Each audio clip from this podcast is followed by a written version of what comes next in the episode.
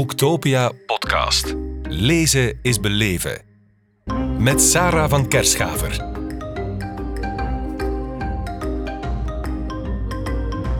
Thomas Oldeheuvelt, welkom in onze podcast hier op Boektopia in Kortrijk. Dankjewel. Goedemiddag. November heet je nieuwe boek, uitgegeven door Boekerij. En een uh, zeer goede timing. Uh, meteen vandaag op uh, 3 november. Jouw boek start op 3 november. Ja, de openingspassage is ja. op 3 november inderdaad. Ja, ja. Precies allemaal zo getimed. Ja, we hebben het speciaal omgedaan. Ik dacht het wel. Kun je misschien eens vertellen, waarover gaat november?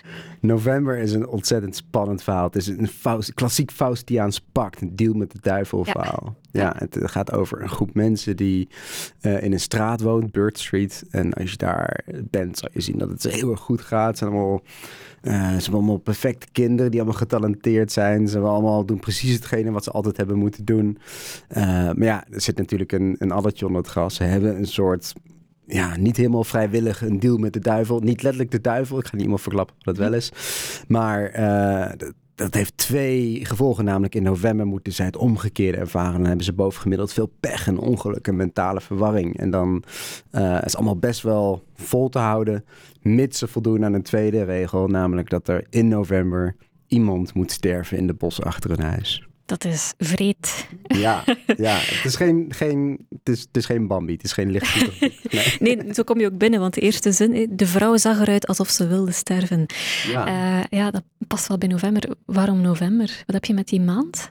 Nou, het is de maand waar alles koud en donker en nat wordt en waar alles sterft. En um, het is ook het is, het is, een donkere maand. December is weer gezellig. Weet je, dan gaan de lichtjes aan en de, de, de feestdagen ja. en zo. En uh, november is toch wel echt gewoon het moment dat iedereen het liefst wil dat het zo snel mogelijk voorbij is. Dat staat ook voor een soort einde en voor onheil dat belooft. We zitten maar het begin van de maand. Maar uh, ja. november speelt zich af in de Verenigde Staten. Uh, heeft jouw boekentournee na je bestseller Hex, uh, of de awards die je ermee gewonnen hebt, daar iets mee te maken? Ja, ik heb een heel groot internationaal lezerspubliek. Ja. Ik kom uit Nederland, maar mijn, mijn boeken worden iets van 30 landen nou uitgegeven. Ik kom ook net vorige week teruggekomen van een tour voor een ander boek, Echo, in de VS en Canada. Tussendoor nog naar Duitsland geweest. En uh, dus ik, dat vind ik heel erg leuk om lezers overal te kunnen ontmoeten. Mm -hmm. um, en omdat ik zo'n groot internationaal leespubliek heb, dan ja, hoeft mijn boek ook niet per se um, altijd in Nederland uh, af te spelen of zo. Van de, de, de, de, ene keer is het daar, de andere keer is het hier. Um, en dat vind ik leuk om een beetje mee te wisselen. Ja. ja. En helpt het dan dat je uh, Amerikanistiek hebt gestudeerd?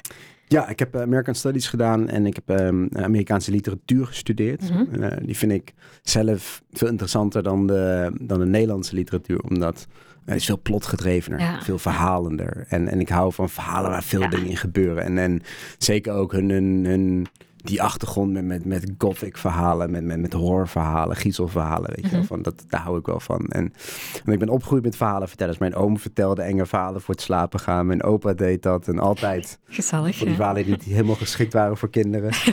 nee, uh, ja, nee, dus dat ben ik uh, zelf ook maar gaan doen. ja, nee, absoluut. En je, je noemt in november zelfs een typisch Oldeheuvelt boek. Uh, wat is dan typisch Oldeheuvelt? Ik denk wat heel typisch mijn boeken kenmerkt, is een heel praktische omgang met het bovennatuurlijke. Mm-hmm. Van, dat, dat, dat zat in Hex heel erg. Van, hè, dat, dat ging over een klein dorpje dat vervloekt was door een vrouw met dichtgenaaide ogen. En, en zij moest haar heel praktisch uit het zicht houden, omdat het geheim mocht niet uitlekken. Nou, dat is in november in feite ook zo. Deze mensen moeten jaarlijks een offer brengen. Maar het zijn geen kwaadaardige mensen. Ze willen, dat niet, ze willen niet zo op iemand mee dat bossen nemen en afknallen of iets dergelijks. dus gaan ze op zoek naar mensen die toch al een doodswens ja. hebben. Uh, euthanasie willen plegen omdat ze terminaal zijn of zoiets dergelijks. Ethisch een beetje twijfelachtig, maar... Mm, kan, eventueel. ja. Maar ja, dat is ook weer heel praktisch omgaan met het, met het bovennatuurlijke. Oké. Okay. Uh, je schreef je eerste manuscript uh, op je zestiende. En wat had je nu, want we zijn denk ik bijna ruim twintig jaar later, ja. wat zou je nu willen terugvertellen aan die jongen die daar zat aan zijn bureau en probeerde om een verhaal neer te schrijven? Wat ik dan zou zeggen, bedoel ja, je? Tips of advies of, of wat geruststellingen. Oh, zo. Nou ja, um, dan zou ik zeggen, blijf, blijf die focus hebben die, uh, die, die ik toen ook al had. Ik heb mezelf als tienjarig jochie ooit voortgenomen van... Toen stond ik in een boekhandel met allemaal Stephen King pockets van...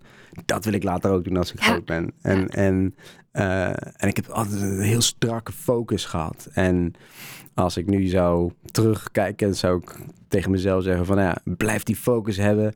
Um, maar blijf al elke dag schrijven. Van, want ik ben heel veel ook bezig geweest met gewoon die boeken promoten overal over de hele wereld en zo. En dat is wel heel afleidend van het schrijven. En uiteindelijk vind ik het schrijven natuurlijk gewoon nog het leukst. Ja, nu heeft Stephen King zelfs al een tweet over jou gestuurd. Uh, ja. Dat uh, vleugels geven. Ja. ja. dat is waanzinnig. Hij is mijn jeugdidol. Ik ben echt opgegroeid met zijn werk. En dat hij dan tweet over, over mijn werk, dat is ja, onvoorstelbaar. Ja. En zoveel, nou, ik durf zeggen, letterlijk honderdduizenden lezers over de wereld hebben het boek ontdekt door zijn tweet. Dus ik ben ontzettend dankbaar. Ja, ja. Hex, dat boek was zo'n bestseller. Uh, is het dan moeilijk bijvoorbeeld om, um, ja, om in een soort karrenspoor terecht te komen? Dat je weet van dit boek heeft zoveel lezers bereikt. Ja, misschien, misschien moet je jezelf dan tegenhouden om iets gelijkaardigs te doen.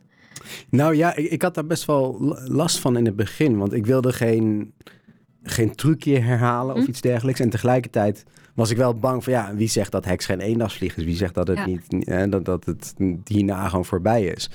Ehm, dus ik heb mezelf een heel hoge druk opgelegd om echt iets anders te willen doen. Het boek wat daarna kwam, dat heet Echo. Mm Het is ook wel echt een heel ander type boek. Het is ook een horrorverhaal, ook creepy, maar veel complexer, veel gelaagder, denk ik. En uh, misschien heb ik daar iets te veel geprobeerd om echt iets anders te doen. Ik had het nodig voor mezelf. Mhm. uh, maar het duurde daardoor heel erg lang. En uh, sindsdien, sinds dat boek werd ook weer wereldwijd verkocht en de volgende ook allemaal. Dus, dus nu is een soort druk van me afgevallen. En ik heb nou een soort vrijheid in mijn schrijven gekregen. Heerlijk. Gewoon heel een, echt een schrijfplezier. Dat lees je in november ook echt af, denk ik. Van, van, uh, ik denk dat het plezier spat gewoon van de bladzijde. Dat, ik heb heel veel lol aan gehad als ik uh, eraan bezig ben. Maar je ziet er alvast niet gestresseerd uit, dus dat is heel fijn om te merken dat je op je gemak bent. Uh, ik was wel geschrokken toen, toen ik hoorde dat bepaalde vertalingen, dat daarin gecensureerd is. voor in China. En in China was dat zo. Toen Van Hex inderdaad, die vertalen. Dat komt, de Chinese regering die publiceert jaarlijks een lijst van onderwerpen waar je uh, niet over mag publiceren. En doe je dat toch, dan krijg je en een heel grote boete als uitgever. En alle boeken worden uit de schappen getrokken en vernietigd. En in Hex zit een heel klein detail. Het is eigenlijk maar een heel klein uh, rol speelt dat. Waar een, bepaalde familie van Turkse komaf in het dorp. Die worden eh, als zondebok gesteld wanneer de boel uit de hand loopt. Um, zoals helaas gebeurt in de maatschappij. Um, en het feit dat zij moslim waren, mocht niet worden benoemd in de Chinese editie. En ik vroeg, ja, waarom dan niet? Nou ja, vanwege het gedoe met de Oeigoeren natuurlijk, in, in, in het uh, westen van China. Um, en ja, dat is dan een offer wat je moet maken. En tegelijkertijd hebben zoveel Chinese lezers mij verteld, en ik ben daar tournee ook mhm. geweest. Mm -hmm. Zoveel Chinese lezers hebben me verteld dat dat boek raakte ze op zo'n diep niveau, omdat zij leven in die maatschappij uit het boek. Ja. Ze hebben ook een conservatieve regering die hun vertelt wat je wel en niet mag online zetten. Die, die hun, hun, checkt wat ze schrijven, die, die, die hun regels oplegt, net als in het boek zelf. Um, dus ja, het heeft wel heel veel lezers geraakt. Dus dat is dan een offer wat je moet, nemen, moet ja, maken. Ja, oké. Het is niet dat je daar rekening mee houdt, bijvoorbeeld als je nu november schreef. Nee, dat, nee, nee. nee. ook, ook bijvoorbeeld in het vorige boek uh, Echo... Um, of eh, de twee boeken geleden alweer, uh, daar waren beide personages waren twee jongens die met elkaar in een relatie zaten. Um, ja, dat doet het dan in Rusland of China misschien wat minder, maar ja, dat is ook maar zo, weet ja, je wel. Daarom Gewoon... dat je voor de gaykrant bent geïnterviewd. Ja, ja oké, okay. ja. snap ik het. ja, nee, dus dat, dat, dat weet je van, ik, ik, ik ga totaal geen rekening houden met wat wat in het ene land of het andere land moeilijker nee. ligt. Kijk, horror zoekt altijd grenzen op. En goede verhalen zoeken altijd grenzen op. En, en ik ben heel erg voor inclusiviteit om een breed scala aan voices te laten horen. En dat gebeurt, gebeurt in november ook, denk ik. En um, uh, ja, mensen moeten dat maar gewoon uh, daarvan ja. genieten. op genieten, inderdaad. Ja. Um, nog even over uh, de twee hoofdpersonages in november, Luana en Ralf. Ja. Op een bepaald moment vragen zij zich af, zijn wij monsters? Ja. Ben je er al uit, zijn zij monsters?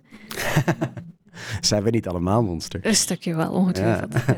nee, dat, dat, weet je, dat, dat is denk ik het, het meest akelige aan november. Akelig op een lekkere manier natuurlijk. Want dat gaandeweg het verhaal worden die personages meegesleept om steeds naardere dingen te doen en Mm. steeds akelige dingen te doen. En, ehm, en elke keer probeer ik jou als lezer de vraag te stellen van... Begrijp je het? Kun je met ze mee? Zou je het zelf misschien ook doen in, in hun situatie met de consequenties die hieraan vastzitten? En ik hoor tot nu toe van mijn lezers dat ze, hoe de dingen ook worden, dat ze Mhm. toch kunnen voorstellen waarom ze dat doen. Of dat ze het zelf misschien ook wel zo zouden doen.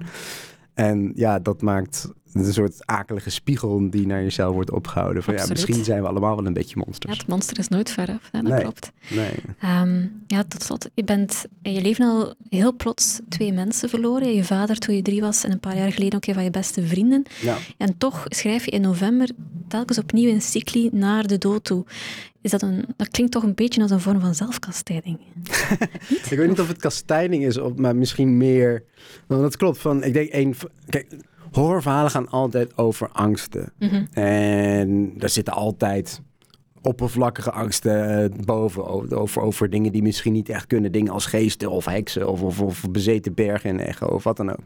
Maar in het, feit, of in het geval van een goed horrorverhaal liggen daar diepe menselijke angsten onder. En iedereen is bang om dierbaren te verliezen. Iedereen is bang om je eigen verstand te verliezen. Iedereen is bang om ziek te worden of, of niet meer mobiel te zijn. Of, allemaal dat soort menselijke angsten. En daar ehm, grijpen al die verhalen natuurlijk op terug. En in november ook eh, veel van deze, deze angsten gaan over het verlies van dierbaren. Over de angst om bijvoorbeeld Luana eh, zit hier niet voor eh, omdat ze dit zo graag wil. Mm. Met al het geluk wat ze ervaart. Dat is leuk, maar ehm, ze is hier op een bepaalde manier ingeluisterd. Eh, zij kon nooit kinderen krijgen. En uiteindelijk heeft zij toch twee kinderen, dankzij die plek. En het feit dat als zij daar weg zou gaan, het staat er vrij om weg te gaan. Maar betekent dat, dat haar kinderen haar gaan ontvallen. Weet je wel? Dus het zijn allemaal onmogelijke keuzes. Het, is, eh, het leest als een, als een trein, inderdaad. Het is eh, een geweldig spannend boek. Fijn om te horen. Ja, Thomas Oldeheuvelt, hartelijk dank voor dit gesprek. Dankjewel. Boektopia podcast. Lezen is beleven. Beluister ook de andere podcasts live opgenomen op Boektopia 2022. Nu via je favoriete podcast-app.